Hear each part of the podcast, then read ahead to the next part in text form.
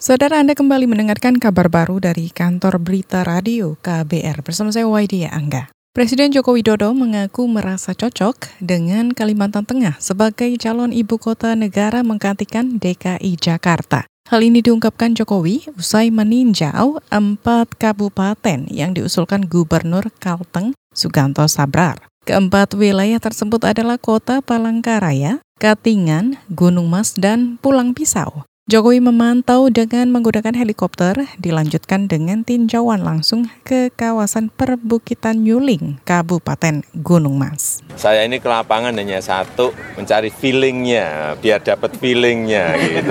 ya, kalau sudah dapat feelingnya nanti kalkulasinya hitung-hitungannya memutuskan itu lebih mudah. Kalau ke lokasi aja belum, dapat feeling dari mana. Ini sebuah saya kira sebuah visi besar, jangka panjang dalam rangka mempersiapkan negara ini untuk masuk sebagai sebuah negara maju. Pak, ini nemu feelingnya nggak Pak? Oh nemu, nemu, nemu, nemu.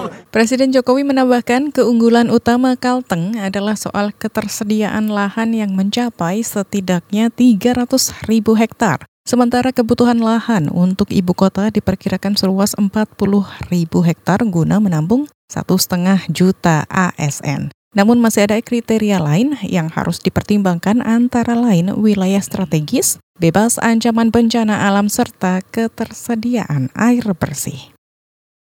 Kita ke berita selanjutnya. Menteri Agama Lukman Hakim Saifuddin menyebut telah mengembalikan uang suap sebesar 10 juta rupiah dari Kepala Kantor Wilayah Kementerian Agama Jawa Timur, Haris Hasanuddin, tersangka kasus jual beli jabatan di Kemenak. Lukman mengatakan uang itu telah dikembalikan ke KPK lebih dari sebulan yang lalu. Hal itu diungkapkan Lukman usai diperiksa sekitar lima jam di KPK untuk tersangka Roma Hormuzi. Jadi yang terkait dengan uang eh, 10 juta itu, saya sudah sampaikan kepada eh, penyidik KPK bahwa sudah lebih dari sebulan yang lalu uang itu sudah saya laporkan kepada KPK. Jadi eh, saya tunjukkan eh, tanda bukti pelaporan yang saya lakukan bahwa uang itu saya serahkan kepada KPK eh, karena saya merasa saya tidak berhak untuk menerima uh, uang itu. Jadi ini yang bisa saya sampaikan. Menak Lukman Hakim Saifuddin enggan membeberkan detail pemeriksaan yang dijalaninya hari ini. Politikus P3 ini juga menghindar ketika ditanya soal uang yang disita KPK dari laci meja kantornya.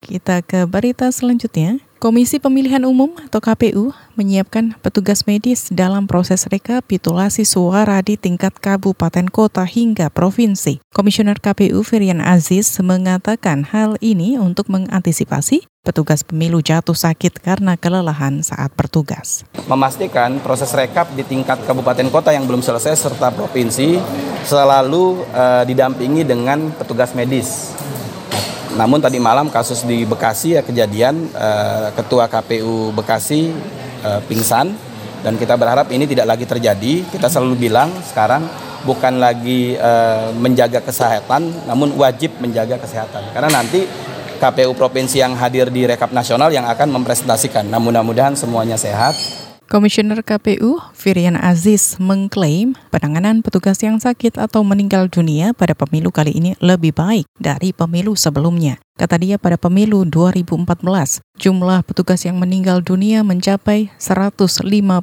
orang tetapi tak mendapat santunan. Sementara pada pemilu 2019, keluarga petugas yang meninggal mendapat santunan. Adapun jumlah petugas yang meninggal mencapai lebih dari 450 orang.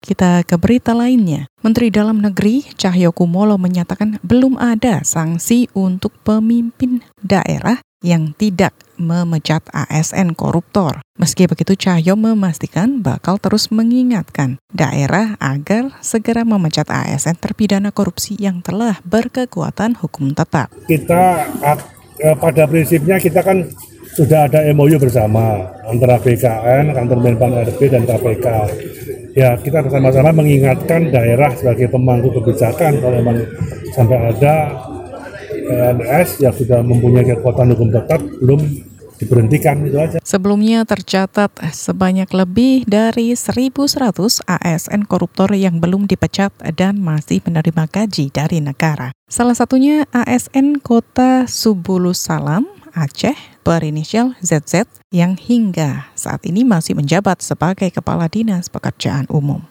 Demikian kabar baru dari KBR, saya Waidia Angga.